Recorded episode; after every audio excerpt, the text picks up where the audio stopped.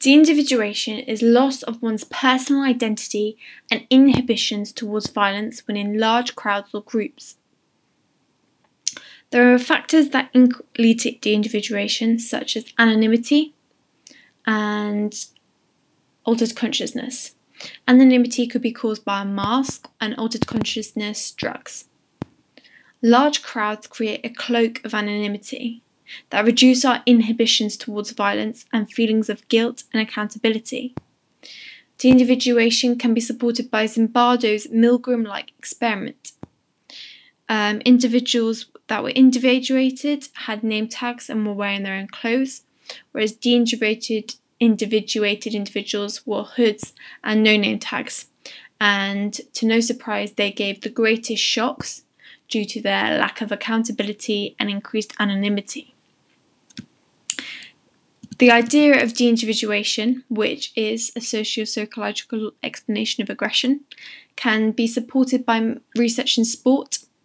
Um, psychologists um, found that when players, handball players, wore the same shirts um, to increase their anonymity, they were more aggressive when playing compared to players in their own clothes.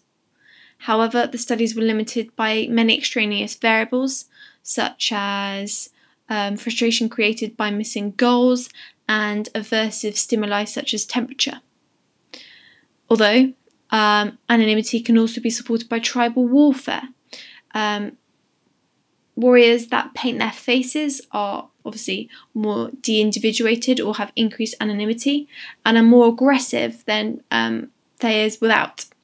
However, this evidence is based on few studies and are highly open to researcher bias as there was a lack of control, um, therefore reducing the internal validity and extent to which they can be used.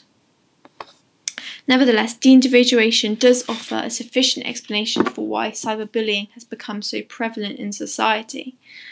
Um, the computer screen ultimately creates a cloak of anonymity and a platform for aggressive behaviour, as our identity is concealed so we feel less accountable for our comments um, and therefore um, aggressive trolling has become really prominent um, both